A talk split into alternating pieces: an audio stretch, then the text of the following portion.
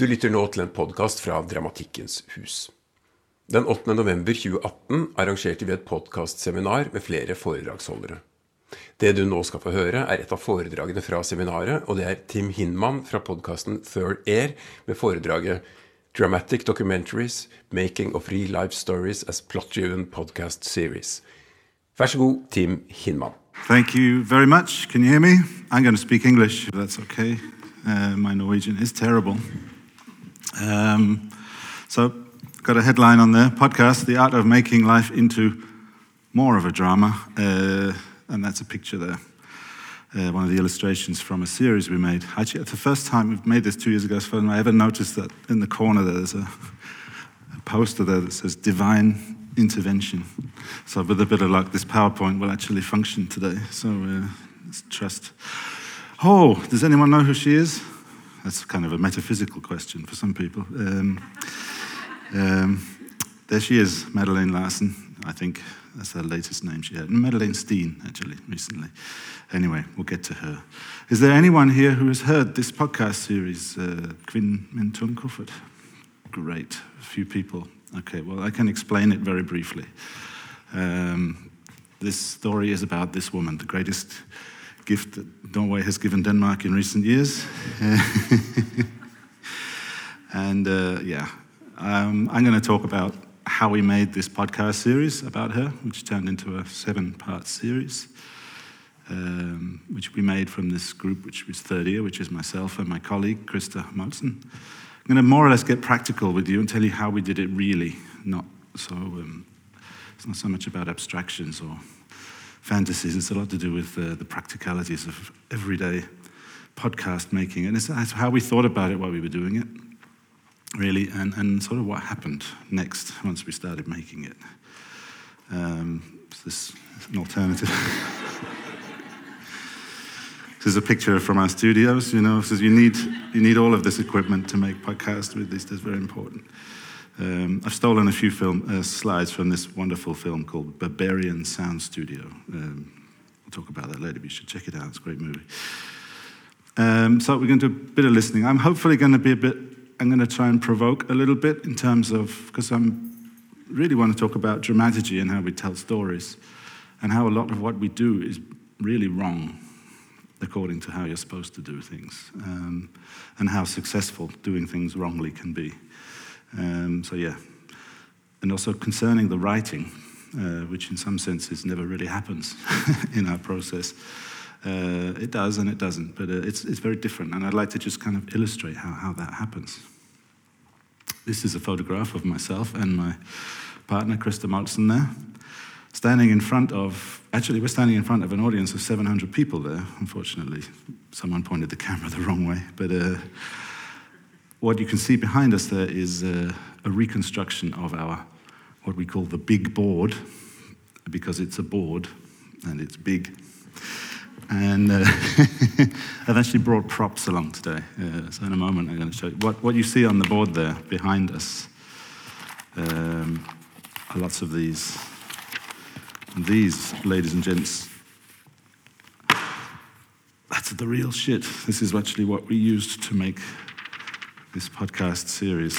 Um, and there they are, stuck up on the board. Actually, you'll see there's like seven lines there. There's seven different episodes. There's a map of Denmark. There's a poster, and not much else.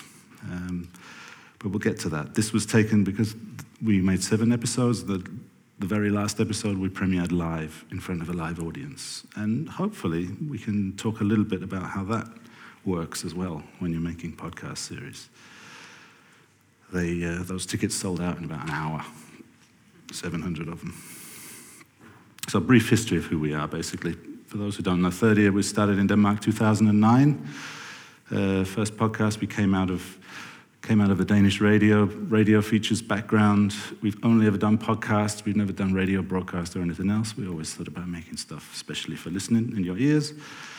And we had right from the beginning this kind of mantra we just wanted to make stories we thought would be so good people would retell them to each other in a bar, at a party, or wherever.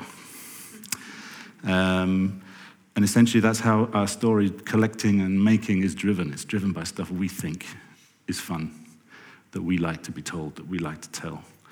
uh, and I'll get more into that.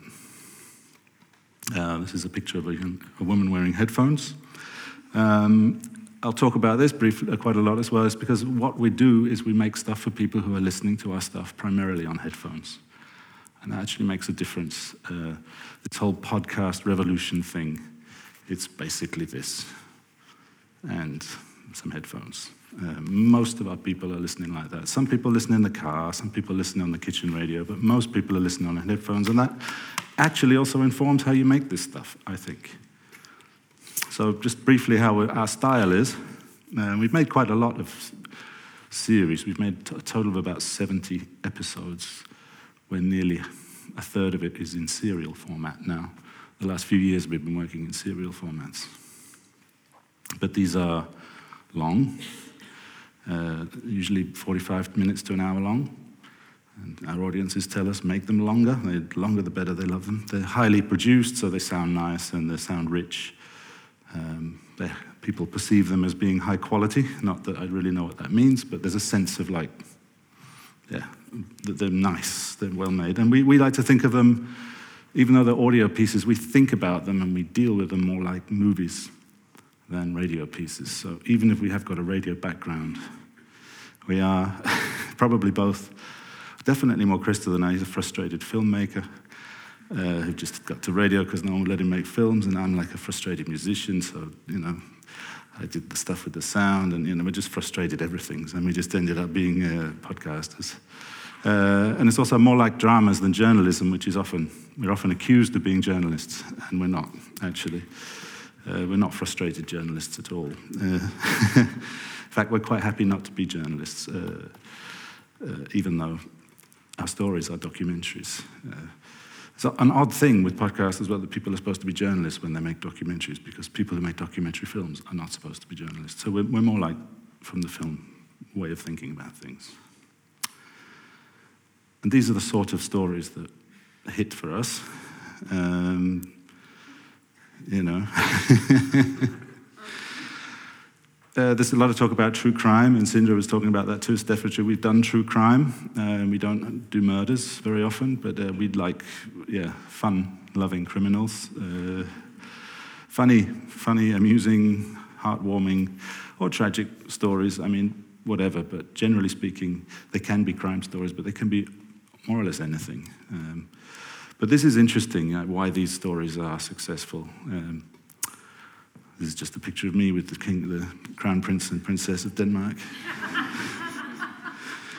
uh, yeah, it's obvious why these stories are, even though they're documentary stories, why they are interesting, because people are deeply fascinated by the idea of a real life lived in a world that they know, which is not the life they live, because most of us live dreary, tedious lives, really. Um, we're not criminals, we're not swindlers, uh, we're not bank robbers just a little bit of us would like to be, though, uh, and we'd like to find out how, how that is, you know. So I was asked, you know, we, we was, I was talking with Morten. We've been do- working with documentary. Most of you guys are working in fiction and drama and stuff like that. And I heard recently the guy from Panoply, which is a big uh, podcast producer in the United States. Amazon put a million dollars into script development last year at Panoply. Panoply. And then I think they pulled the plug since then. Um, but frankly, everybody out there is trying to crack this magic formula. How are we going to get people to actually listen to radio drama or radio fiction podcast? Because honest fact is, they're not doing it yet. People like the documentaries, they love the documentaries, they love the true crime documentaries, but they're not listening in anywhere near the same numbers to fiction projects which is a problem when fiction projects are 10 times more expensive to produce. So that's what we're looking for here at the moment. And somebody, like you said, the guy who figures this out, or the, the woman who figures this out, hopefully, is going to make a fortune. Because if you can start like selling drama like they do on Netflix in audio, boom, then that's the next big thing. Now, I've, I've brought this clip for you because I, I like to look at YouTube. Um, for instructional videos and all sorts of things. And this is one of my favorites, but uh, hopefully this is my favorite instructional video on YouTube. But I want to tell you guys how to find the magic bullet and become rich. And I want to be like this guy. I'm going to give you the keys to the Lamborghini. That's about an hour long, that video, but I'll spare you the. he has two necks at once at one point. That's fantastic. Wow. You know. I don't know. I mean, what, what, what we do that, that is better than anybody else, I don't know. Because, uh, frankly, when we start, we do more or less like anyone would start developing a story. Um, the question is maybe when starting actually is. Um, so, sort of day one, and in day one, in the case of this, um, Kvinmen uh, the idea was literally something we discovered at lunch. Uh, Claudia, who drew those illustrations, uh, has an uncle who plays the organ in a church in Jutland, who told this weird story about this strange woman who just showed up out of, like, puff, out of nowhere. She was suddenly sitting in this church and stayed for a few days, borrowed a lot of money off everyone, and then suddenly disappeared in a puff of smoke. And uh, that sounded odd. And uh, we just got talking about it, and we really didn't have any idea. We didn't have much background. So, this is common for many of the stories that we do. They just start from a conversation. Um, this one came just from a conversation. Others have come from the front page of newspapers, but maybe old newspapers. Um, it's very common. Uh, and, and, I think Sindre and these true crime stories are very common. You know, they're very famous stories, but they're maybe 10 years old or more. Um, and it's always this idea well, what happened next? Is the, these people still alive? Could we go find them? You know? The great thing about making podcasts, crime podcasts in Scandinavia as opposed to America, is that people tend to get out of jail at some point. So you can, you can often track them down, you know. Uh, yeah, I mean, I had, I mean, that, that guy in Serial, he would have been out at least 10 years ago if it was in Europe, you know, but that's just America. So, yeah, we just talk about things and we just start thinking about whether there is anything we think, like we, we say the comparisons as well, because uh, again, that thing about films, we often think, is this, we, do we know this story already in another form? Is it an ancient Greek story or is it a film that was on last week on TV? Um, and the thing to do is to go get some tape, first of all. There's nothing else to do yet. So, Krister, in this case, he went off to get some tape, and the bottom line there no script. We do not have a script at this point, so we're starting production without a script. Uh, and the next slide says that. no script many times. We don't have a script. And in fact, you will discover as I continue with this wonderful presentation that we're not going to get to a script until like way down the line. Um, the script isn't the place to begin. Um, I was thinking a bit actually about, you were talking about music and this guy, French guy, Pierre Schaeffer, who invented this new kind of music because he figured, well, music is like writing symbols on a piece of paper and then musicians are playing the instruments and then you get the sound and then you get the music. And he figured, why don't I just go get the sounds, you know? So he invents something called musique concrète, he just goes record steam trains and stuff and says, I'll use the sound. And in a way, we're, we're thinking a bit like that as well. Why start with a script? Why start with an idea? What we actually have to start with is a combination of something in the real world that we have recorded, and then we can get going. So, another one of the drawings there. That's the poster from the series. Now, with a bit of luck, Do til en podcast Leo af... I'm just going to um, play that again. While you hear the actual beginning of the series, and I'll, I'll play the whole thing in its entirety because I want to, um, not the whole episode, but the first five minutes or so, uh, during which time I will perform a, a small piece of live theatre. Yeah. but um, I want you to, to the point is, this is the beginning of a seven part series which has been very successful to us. 367,000 people in Denmark have downloaded this episode and heard this beginning. And of those, about 90% of them bothered to hear the second episode as well, so that we think that's pretty good. Um, so, what are we doing? Is basically the point. and so I'll just play it, and while I do, you can have a listen. Du lytter til podcast lavet af Third Ear for Politiken.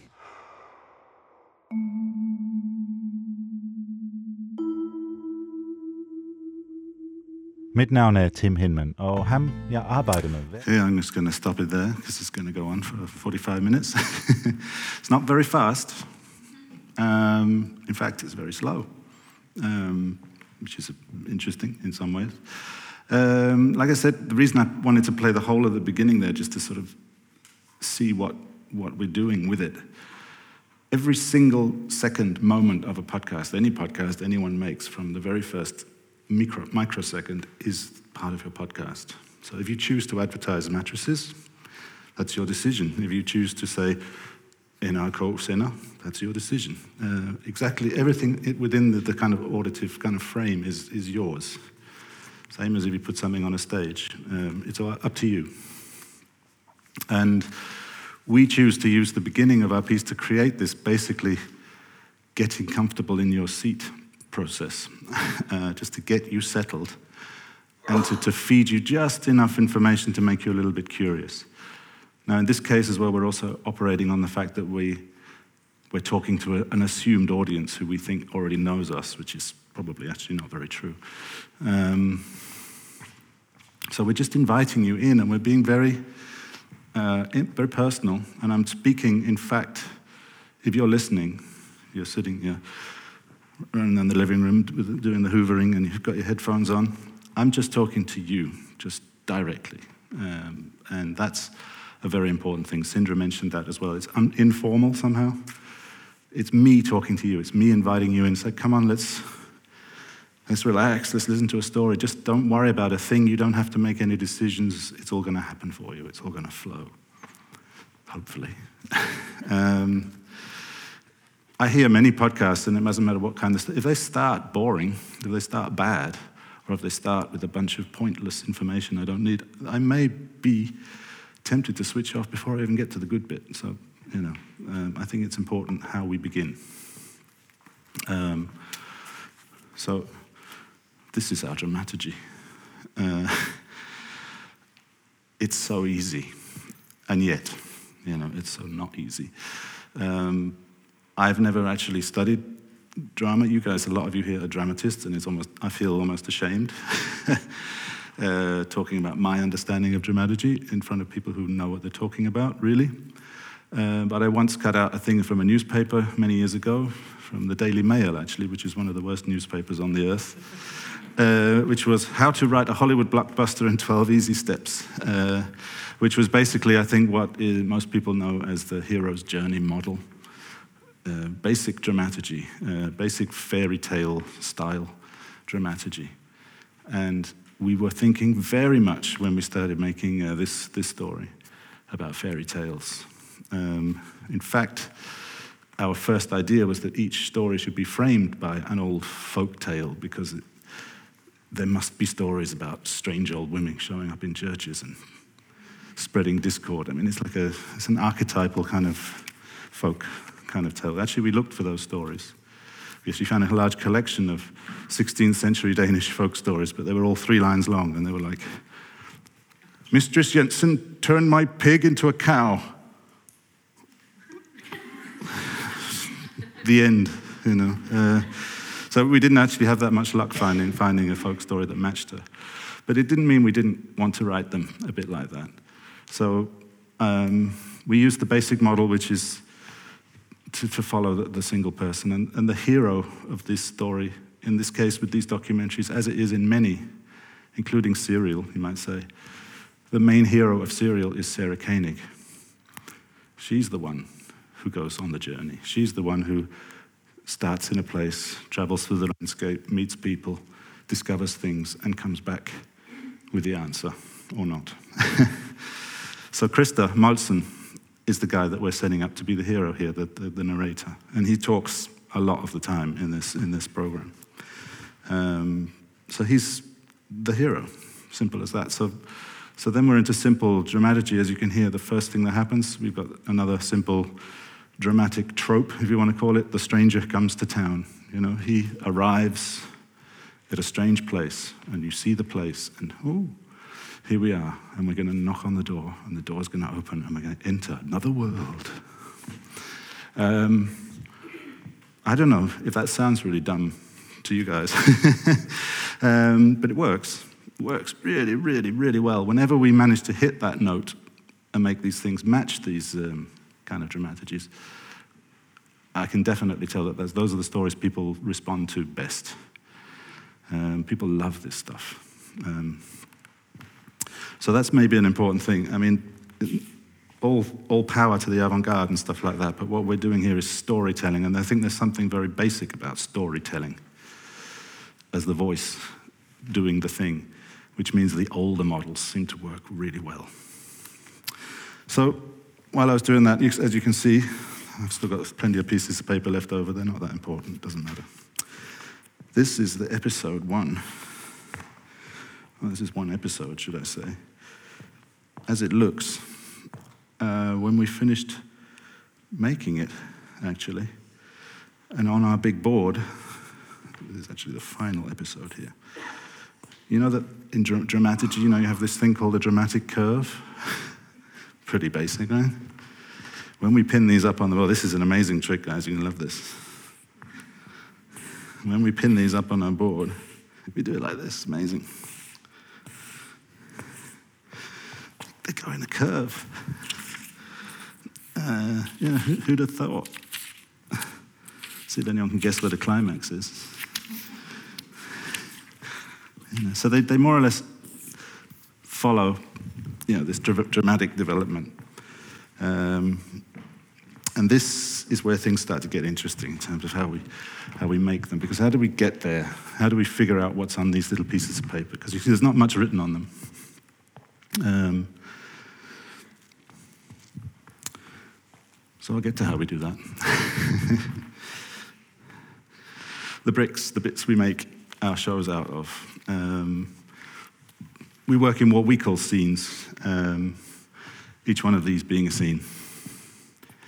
This is the final episode. It contains 1, 2, 3, 4, 5, 6, 7, 8, 9, 10, 11, 12 scenes. Our scenes are never more than four minutes long, rarely less than two. Um, you, the listener, might not always necessarily notice the change between them consciously, but there definitely will be a change. We like to think of them in a kind of Hitchcock type way. I think Hitchcock said that uh, for him, a scene, yeah, apropos, a scene should always start at the latest possible time and end at the earliest possible time regarding the action, regarding what you want to communicate. Uh, so, yeah, when do you start this? You start it at the moment when he's like there, and ends as soon as the blood goes down the thing. That's over. In film history, what is it? It's two minutes long? I don't know. Um, so we're thinking like that before we've written a script. And we know we're going to make stuff like this before we've actually done most of the interview as well. So when we go out with our tape recorder, we know that we're going to want to make stuff like that, which means that we go out and we try and collect real material that can be transformed into these functional blocks, if you see what I mean. Um, like it says, this is how we interview and how we record. In an extreme case, if we're doing a piece based on a testimony, a long testimony, um, Krister has the record, I think. He has, we made a piece about a young woman who was the victim of a, another swindler. And he talked to her for 40 hours. And the, the total length of the piece is about one hour, and she talks for maybe 20 minutes of the whole piece, but he recorded 40 hours of interview with her, and why would he do anything as stupid as that? Because she was terrible at telling her story. She really wanted to tell her story, and we really wanted to help her tell her story. Um, so, uh, what eventually Krister did is once you know somebody's story, like her story was, well, I met this guy on Facebook. He was from the richest family in Denmark. He was you know, he was, he was a bit persecuted because the, these drug smuggling friends and the secret police were after him and had problems because he'd crashed his Ferrari and it was a terrible life. It was a very hard life he was having. But, um, and then she discovers bit by bit that that's not quite the case. Uh, but all of this has happened in the past, of course. So how do, you, how do you transfer her past experience? Because when she told the story, she was like, Oh, and then he did, and then, oh no, and then he did, oh, and that was, why did I think that? And it was so stupid. I mean, what, how did I get, how did I not think that, you know, blah, blah, blah. And, then, oh, and then she starts laughing and giggling. And, and it's like, it's like yeah, great. It's, it's, the story's the same, but it's not very well told. Um, a good friend of mine, colleague Pike Malinowski, who works in New York, makes also great uh, radio drama, actually he uh, did a project once where he stood outside the New York Public Library and he asked people if they could tell their life story in less than a minute. And the average time was 45 seconds. It's more or less just if you ask someone, what's your life story? They're, well, I was born here, I was born there, I got married, I had two kids, I got a job, and it'll be done. It's like not very well, it's a story, but it's not very well told. So we, we need to kind of bring people back to a situation where they can tell a story in a, in a present tense and retell it as if they're reliving it, because when we listen, we want to be living it as if it's happening. Um, and when we know someone's story, someone's story like, well, I was born, I got married, I had two kids, it's like, okay, you had two kids. There must have been a point in your life when you had your first child. Yes. There must have been a day in your life when you had your first child. There must have been a moment in your life when your first child was born. Let's talk about that, because that's going to be a scene in my show, in my documentary. It's going to be this one. A whole five minute scene just about the moment my first child was born. A bit more interesting, hopefully. that's one way to do it if you're doing like this kind of interviews. Otherwise, if like Krister, he's immersed himself, he's now this hero on this fabulous journey. He's also going to know that when he goes places with his tape recorder, because as I will say, nothing counts if you don't get it on tape. He knows he has to record himself arriving. He has to record himself knocking on the door. He has to record that door opening and himself treading into this magical world where all these things are going to happen. Because he knows that he's going to make a scene that looks exactly like that. Does that make any sense? Good. There's a blank one. Um, so, yeah, this is actually this beautiful picture in the corner. That is our main tool. That's all we use. So, you don't need fancy anything more fancy than that recorder. Um, Sindre already talked earlier today about how important it is to create these nice recordings around people, and it's super important. There's nothing without it. Um, but it doesn't mean you need particularly fancy gear. Um, it means you just need to know what you want. Um, and so when, when Krister arrives at this, uh, at this monastery and meets this woman who's been ripped off, he knows the story. He may have talked to her in advance, or he may have talked to her for one hour to get her to tell the story, or even 15 minutes to get her to tell the whole story. Then he will just put on his thinking hat very quickly and think, okay, so this strange woman shows up at your uh, refuge, this religious refuge in the middle of Jutland, in the middle of nowhere, and then things start happening. So there must have been a moment when she arrived. Tell me about the moment she arrived. Like in everything and in detail. And we use a lot of, like uh, also like Sindre said, we don't want to know the time and date. That's not important. It was February. It was a cold day. It'd been raining all day the night or the day before, so it was really wet everywhere. And then I saw her coming towards me up, up the path, you know. And then you start to get these pictures, you know. And then when she came in, she the first thing she said was hi, and she had a big smile on her face, you know. Okay, you start to get the pictures um, because we're asking our interviewers to tell us stuff as stories.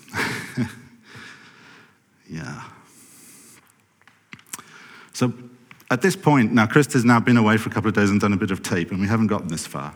We haven't got any of these things yet. All he's got is a bit of tape from this uh, people telling these great stories. And we have to then sort of assess whether this is worth carrying on with. Um, this is a weird thing. We're independent. We're an independent podcasting collective, if you want to call it that. We don't have to work for anyone, so we don't have to pitch our ideas in advance, which is, I know, how everyone else has to work. Um, we thought this might be a good story. Then we thought maybe we could make a two-parter. You know what? I think there's three parts in this story. Um, and usually that's when Krister starts making these notes, and the note line gets longer and longer, and we run out of space on the board, which ends usually about here, and they all start. You get like lots of bits of paper in this area. and then brilliantly, because I'm the producer, I say, hey, why don't we take these bits of paper and put them over here? and make another episode. Whew. Yeah, it's amazing. And uh, but it, it, actually does because once once you realize, oh, we, I can do this scene, and this is good, and this is good, and this is good, and this is good, and this is good, and this is good, and this is good, and this is good, and this is good, but it's going to get way too long. And in the olden days, we used to have to squeeze things down into 45 minutes or an hour. And then we were given, by divine intervention, the podcast serial. For better or worse, because now people are making 10 part episodes that should be 15 minutes long. Uh, they're making 10 hour long stories. Um, we'd rather not. We'd rather just keep it small and just do one or two stories a year. So it's. Um, that's what we're trying to do. So, we, yeah, we just need to see if, there are, if it's got potential for these things. Great characters. Great unique audio as well can also be a really important part of a story. Not so much in this one, uh, well, towards the end, yes, but uh, we just, uh, the most recent series we did is based on police surveillance tape of some old school gangsters from the 1990s, where we were given access to this uh, surveillance tapes. So this is like unique audio and the way that these people talk. No writer in the world could do their dialogue as well as they do their dialogue. Um, so it's, it's great audio. So we can build a story around something like that. So we're looking for things that we can use. And then, super important, you know, when we're actually talking about this story, does it make us laugh, cry, or gasp with wonder? Um, and if not, it's probably not very good. So we should probably do something else often stories might dry up quite fast because, yeah, we find out that this woman, yeah, yeah, like we could have found out her name is Betty and she lived like three doors down and she was sorry.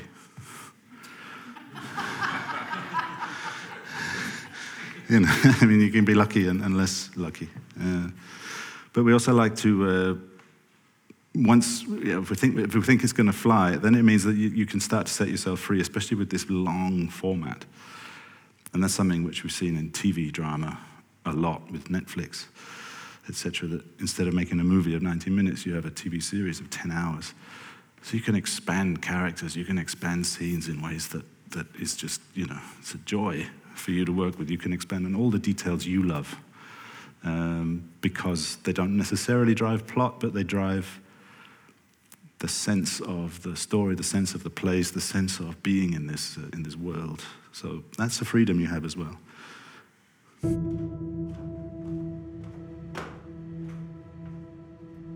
Vi starter med en form for tankeeksperiment. En gåde, der skal løses. Et lille problem, som jeg vil bede dig om at forsøge at tænke dig vej ud af. Yeah. So we're getting enjoying ourselves now. I mean, obviously, this scene, which is the beginning of episode two, is written late in the process. It's pure script. Uh, it's got a little bit of tape in the background. Um, I'll get to cliffhangers in a moment, but we left you with a cliffhanger at the end of, of episode one where we promised to answer a question which we had just posed here, which was like, Who is this mysterious woman? Find out next time.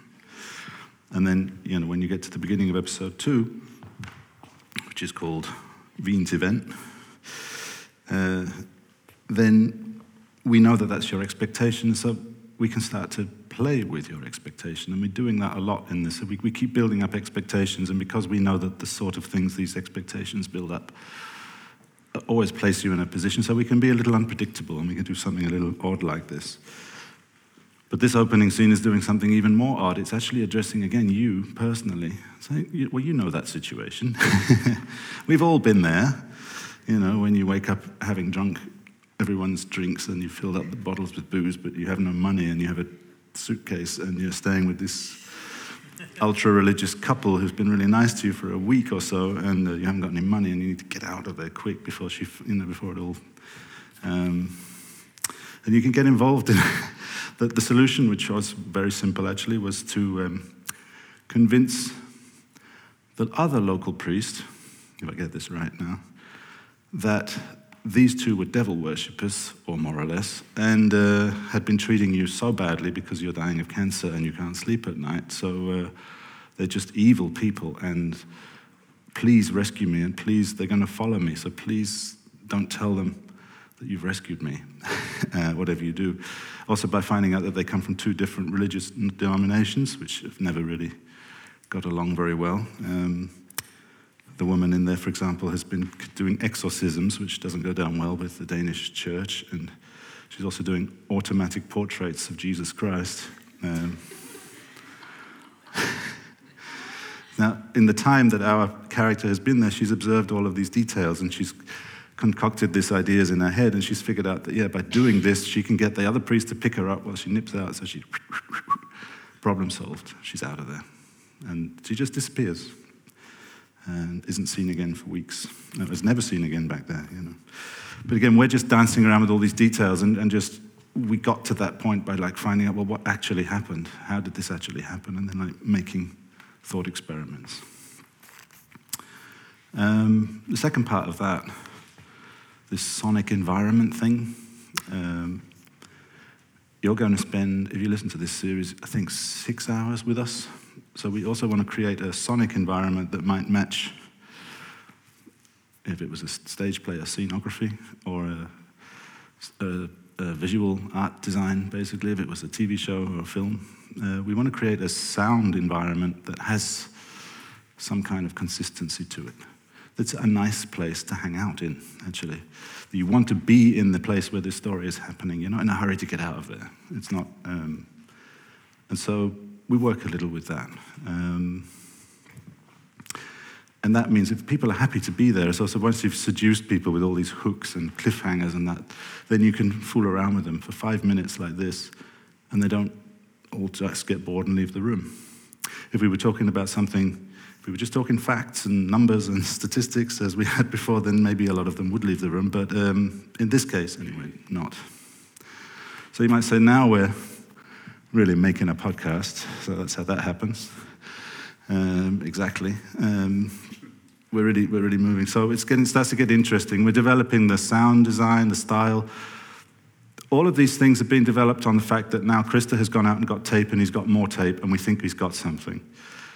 Uh, he hasn't yet got enough tape to make the story because he needs to get more, and we're still in process. But we've already started thinking about. Actually, I, I already made the music. Um, thought about, oh, we should make it like a fairy tale, or we should make it like a, uh, you know, like the first episode should be like a ghost story. Should we make it like a ghost story, like a horror story? The first episode is very like a horror story, but then it's not a horror story. It's a, oh, it's maybe it's a murder mystery. Oh, it's not a murder mystery. Oh, maybe it's a. So we're using all these cliches basically, um, and we steal in, from the, from the world of cliche, partly because that also um, helps set people's expectations up, you know, especially with a true crime story. It was beautifully done with um, S Town. I don't know if anyone heard that one, the, one of the ones that came after Serial, which also started as a murder mystery. And then in episode one, he finds out there was no murder. Um, yeah, I don't know. You, has anyone heard that? S Town? Yeah, a few people. If you haven't, it's, it's one of the most beautifully written almost as beautifully written as this one, uh, podcast series ever made. Uh, but Brian Reed, who made that, they, he decided when they, when they made it, they would construct it like a novel. Uh, so it's also written like a novel. So it has these kind of text se- sequences and reflective sequences.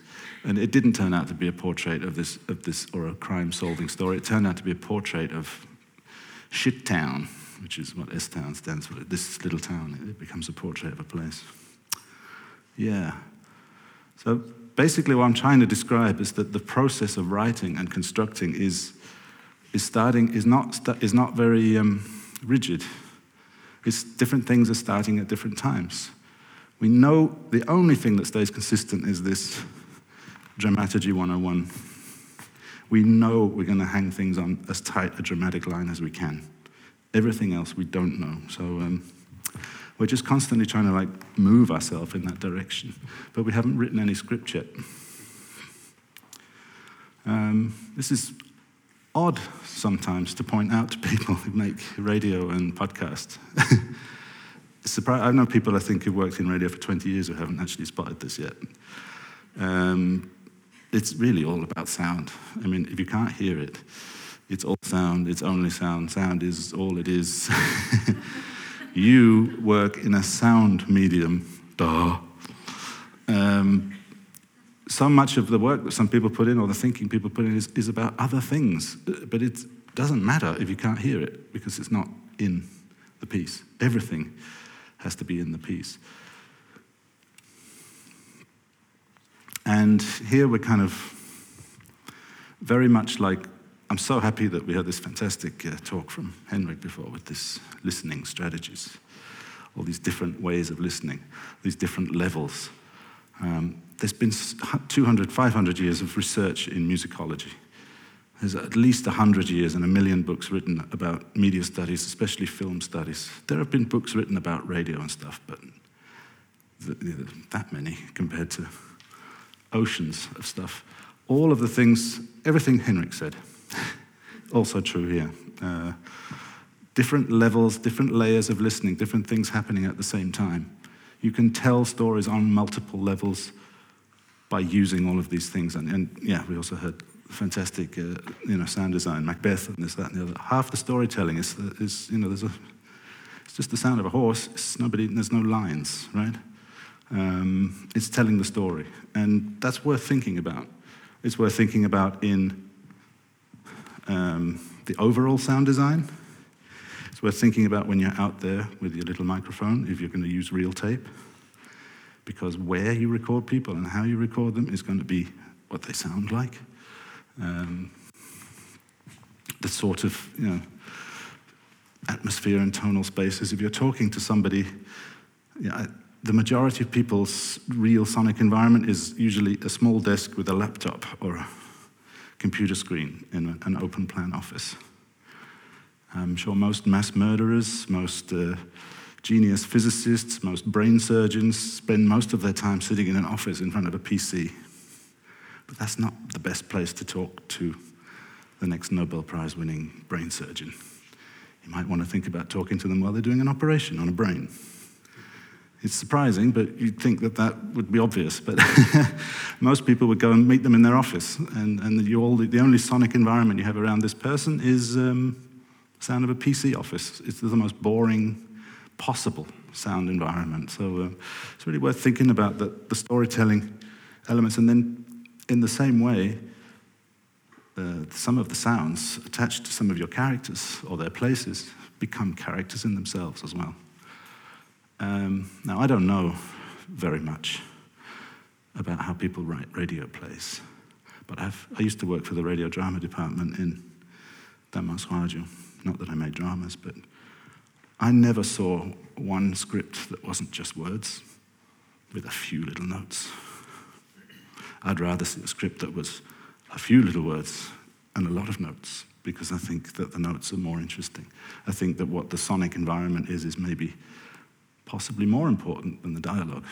Oh, sorry, I'm not sure, you know, I went very quiet there. But I mean, I, I, that's just an idea, it's just a provocation in a way. But the fact that the, the way it sounds is crucial. And when we're talking about this magic bullet, I don't know whether this is going to be what.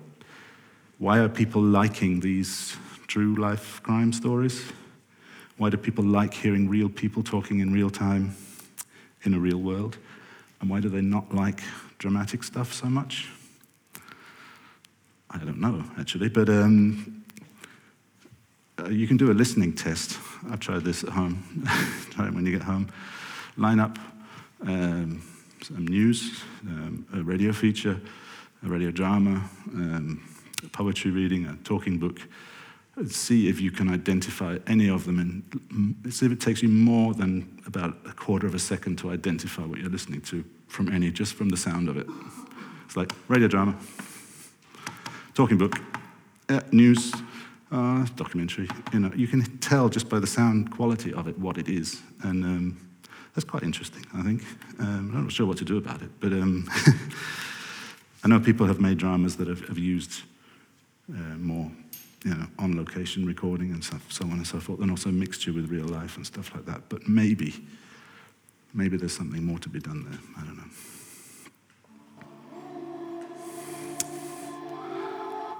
And this is what happens when you start making the magic. You know, this is exactly what happens in our studio. It's like that every day at work, where I work. Um, that's another clip from that movie, Berberian Sound Studio, which is uh, all about putting sound on a horror movie. Um, but it's, it's in the studio once we're getting closer to that script now. You can feel it coming, right? Um, at this point, in real life, what happened and why that mattered.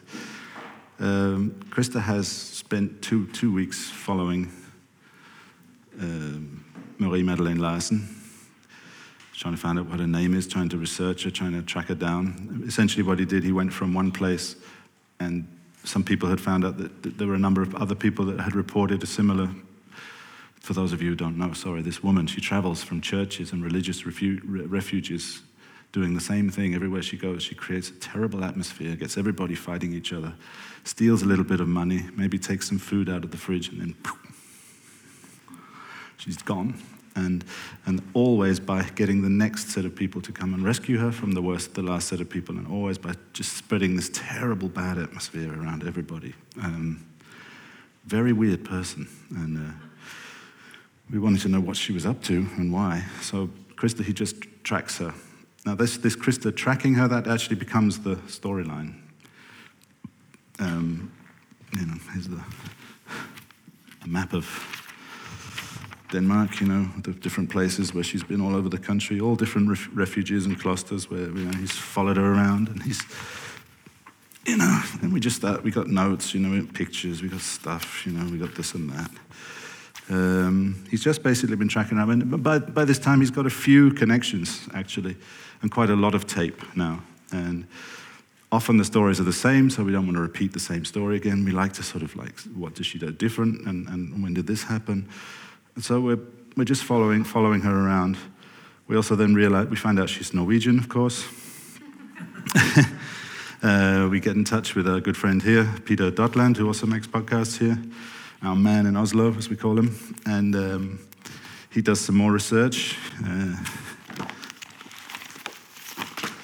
stuff like the school photo. You can have a look afterwards if you want. Uh, newspaper reports. We find out that actually she's kind of already a thing in uh, in Norway. She's been convicted. She's uh, she's got all these reports. She's already been in the newspapers. She's kind of you know she's a con woman, and so we decide to go track her down and find her.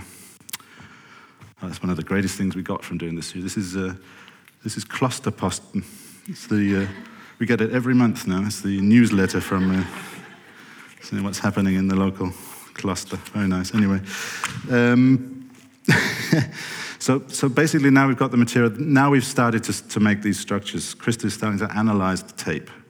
We're talking about how we should do it, and we're starting to analyze the tape. By analyzing the tape, he's starting to chop it up into finding out which bits can be scenes and then he actually, we start the process of actually cutting. We're not finished with the story yet. He's still looking for it, but we can start editing. And often, because we've been so smart as to know we wanted to make scenes out of things, we've interviewed people in that way.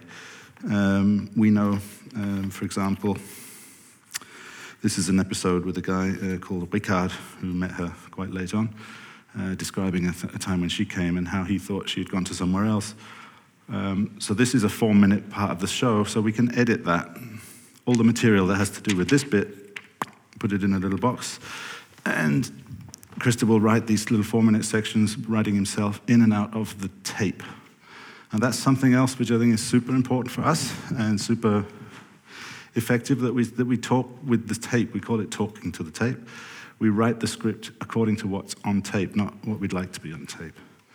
Um, so we complement the real stuff.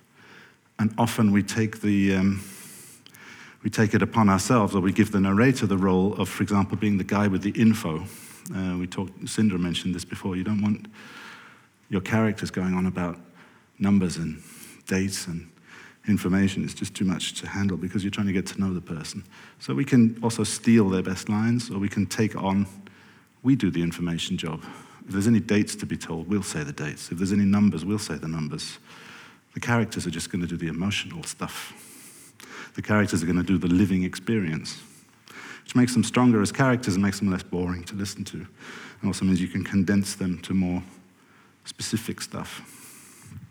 And you get their language, which is the most important thing, because none of us can write 15 different characters as well as 15 real people can be themselves. That's just a fact. I think. Well, maybe some of you are geniuses, I don't know. But um, people's way of speaking is so spectacularly unique and musical and, and this, that, and the other that getting to know these people is great. Um, sitting in a little church with an old woman who's describing how she's polishing the nine foot high breast Jesus one day and suddenly turns around and there she is. Uh, Marie Madeleine Larsen just appears out of nowhere like, ah! she, she can do that better than I could write that. Um, so we, are writing the stuff in, in and out of the real stuff. But then we're running into like, and this is a bit different now. This is why this series is our most successful one, and others, people like them a lot, but they, nothing like this one. This has had twice as many downloads as any of the other things we've done. And one of the reasons is it's got a really good ending. Um, and as far as dramaturgy goes, its endings is fantastic. And real life dramas are terrible often at good endings. They really suck because real life doesn't perform for us. You know, everything turns out to be a little bit this, a little bit that. Oh, I didn't really know. We didn't really find her and stuff. So we, we actually went all the way to Raufoss in Norway. We tracked her down. We found people who'd known her at school. Um, we decided not to contact her brother who lived there, or other family member, I think, um, because we thought this is this felt taste unbad poor taste to us. We're not making a witch hunt here. We're not trying to bring this, and this is a small town, and people were gossiping, and it was bad feeling. So, um, so we ended up writing an end scene for the end episode, which was supposed to be episode four by this point. We'd done all this stuff, and then we sent Christoph to Norway for a week, and he went to Raufoss with Peter. There's some lovely tape where they, they play some music in the car when they're driving out there about driving a tractor with a hengpo in Norwegian, sort of um, folkly pop music. It's very nice. Man up, man ned, man up and ned. Can't remember the song, but we were singing it in the office for a while. But we, did, we, we actually wrote an ending which was going to be Krister standing looking out over the fjord, because we thought there'd be a fjord you could look out of, over, you know, a romantic idea of uh, what Raufoss might be like. But uh, so then Krister was going to like go down to the water's edge and like pontificate. You know, will will we ever find her? Will anyone ever find out who she really is? You know, this sort of. And it was a bit weak ass. We knew it. Um, but if we didn't find it, what were we going to do? Uh, and that's often the case in real life things. I mean, there's a wonderful, very beautifully made uh, Canadian true crime series called Someone Knows Something. I don't know if anyone's heard of that one, but it's unkindly called No One Knows Nothing because you just don't get anywhere with any of the stories. I mean, you know, someone was murdered. Who did it? I don't know. you know, it's 10 episodes later, you know. Uh, it's, it's difficult, you know. But in this case, um, just around that time, um, we have um, activated a lot of people. Chris has been talking to people, and these priests, they talk to each other. Actually, on something which is called Prästnet, which is amazing. Uh, it's an internet for priests. Um, and the word had been going around, and we had a we were working on another story. A friend of ours who gave us, uh, you saw the illustration at the beginning with the microphone taped under the shirt, the hidden microphone. Krister was really hoping that if he could catch up with her, he could get her to, um, to try and uh, swindle him on tape. Uh, that would have been, we really wanted that. Um, so we asked this guy into, could you kit us out with this kind of hidden microphone? And literally half an hour after the guy left, and Krister's still got it taped to his chest, the phone rings and Krister's on his way home, and um, a priest or a provost uh, from the church says, he sends a text actually. yeah, basically he sends a text saying, um, I'm sitting on bus number 5A, and she's sitting right in front of me now. And the bus was coming towards us, so um, Da jeg parkerer min cykel derhjemme er klokken lidt i halv syv om aftenen, og der tjekker jeg min mobiltelefon. Der er et ubesvaret opkald fra et nummer, jeg ikke kender. Jeg har ringet til præster og campingpladsbestyrer og alle mulige andre hele dagen. Yeah. There's a Ira Glass, who's a, yeah, probably the the most famous, the most successful, and probably the best uh, maker of these kind of radio stories, uh, also in understanding how they work structurally. Uh, has a great way of presenting stuff where he will stop a story like that and he'll just say, challenge anyone here in the room not to want to know what happened next. And, and we're often looking for that feeling. It's like, uh, and we know we're doing well when we're writing and we're putting stuff together. It's like, ah. And if we stop here, it's like, oh, come on, you got to tell me what happened next. You know, you need that, that to sort of keep people drawing. If, if you don't have that, um, at least rhythmically, at least kind of progressively, then you, are not going to keep people's interest. You're going to keep people falling off the end. Um, so at this point, it's like, yeah, we're pretty sure if you've listened to five episodes by this point, there's no way you're not going to listen to the next one. Um, find out what happened. Um, so that's the kind of, yeah, a great cliffhanger. But this is given to us by real life, um, which is irreplaceable. And even if you wanted to fake this in a radio drama, which you could quite easily do, and as I can hear, actually, there is, I will admit, a modicum of illusion there. Um, the sound of him taping the microphone on was actually recorded earlier in the studio when we were actually taping the microphone on. And he's actually changed the order of events in the script to say that he did it when he got the call. Actually, he already had it on. It just, it's not particularly relevant for the story. It's not really journalistically or ethically very questionable thing to do, so we're good with that. I mean, we, we changed it for dramatic tension to make it sound better. Um, but you may have also noticed, even within this scene, a classic kind of, it starts off very undramatic and very slow. It has very little dramatic tension, and it builds and it builds and it builds. And boom, you know, that's good old, good old fashioned dramaturgy. Um, this stuff is a bit weird as well. Um, because when we actually were publishing this, we'd written these first four. We were able then very fast to throw away several of these notes, the ones with Krister kind of going, and will we ever discover the name of the woman with the. Great, we could throw all that away and we could rewrite the endings. Um, we actually, because we were already in the publishing now, we were already out live. Um, and this activity, this PriestNet, and these people started phoning us up with new information while the process was out. That's a, that's a kind of a true story documentary thing. I know, I know a lot of the true crime things have this as well. People come with new evidence and so on. I don't know how that could be worked into drama. It could be faked beautifully. Um, but it's the idea that something's happening because your audience isn't only engaged while they're listening. They are like we said at the beginning, we wanted to create stories people would talk about. People were talking about this a lot uh, on social media. Um, sorry, I mentioned it. But um, people were talking a lot.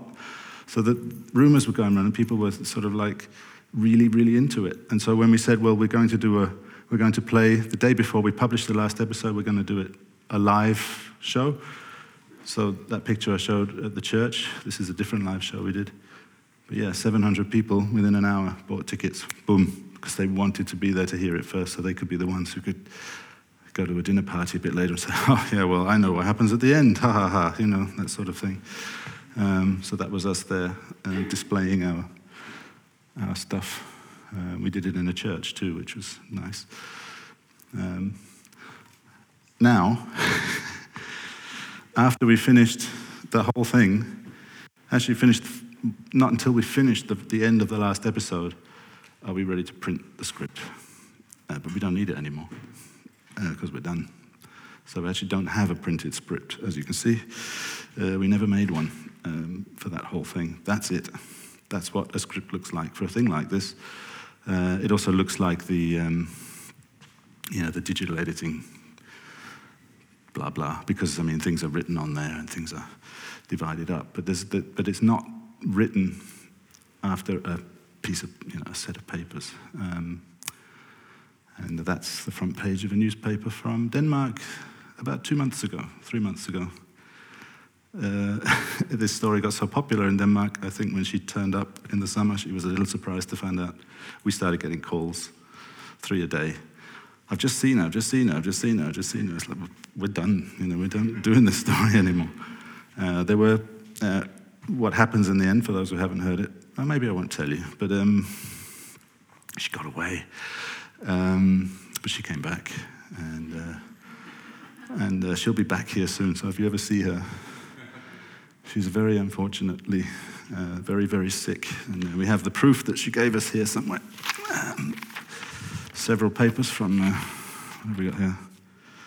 Well, that's a psychology report from a psychiatrist. She convinced that she was very unhappy, but this is, uh, this is the hospital letters she has saying that uh, Maria Madeleine Larsen is har påvist til onartet sygdom, uh, planlægges til kirurgi, signed by a doctor that doesn't exist.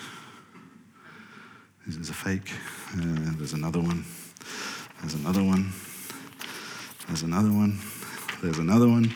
This is what she keeps in the suitcase, and she has them ready, and she can whip them at you anytime. It's like, oh, why are you doing this to me? I'm dying of cancer. Um, but she's not really. Um, so now she's in jail in Denmark for a couple of months. She'll be back. I guess conclusions, and then we can, there's time for talking questions and stuff. Um, I love this statement, the 20th century is over. I think a lot of things that people are doing, we, we can set ourselves free uh, with the new technologies and the new. We don't have to work in the same way as we always did. We can work backwards if we need to, and we can work sideways, and we can work in all directions at once if it serves the story and if it serves the, yeah, if it serves the story. Uh, plus, the different disciplines are. Um, I have I started doing sound when I was working in, uh, I did some music and then TV post production and film post production. I've done theatre sound and I've made stuff. And, and the, one of the reasons I have found such a, a great release in doing, uh, in, in actually doing podcasts and stuff like that is because as a sound guy, you're like the shittest guy in the room. Almost always, you're like the last guy in the food chain. In the film, you just spend your time fixing all the mess they made on set and trying to make it sound okay. You know, those wonderful guys up there, you know, they, they, you know, they know what I'm talking about. But you know, it's it's hard being a sound guy, and you don't get to be in charge. Um, so it's actually possible for the sound guy to be more important than someone else in this process. If his sound work is doing the storytelling, then let him run with it. Um, and likewise, everybody else, all the different roles, the writing, everything can be mixed up, um, which I think is super exciting, personally. But um, you know, that's and and there no there are no rules. So there she is, standing in the rain. Thank you very much. Du har hørt en podkast fra Dramatikkens hus 2020.